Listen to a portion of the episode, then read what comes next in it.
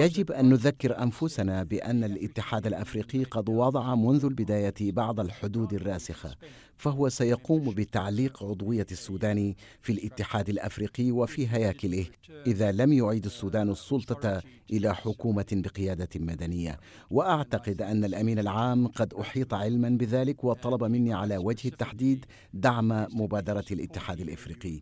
بعبارة أخرى الا أشرع في عملية للامم المتحدة موازيه بل أن أدعم عملية الاتحاد الأفريقي.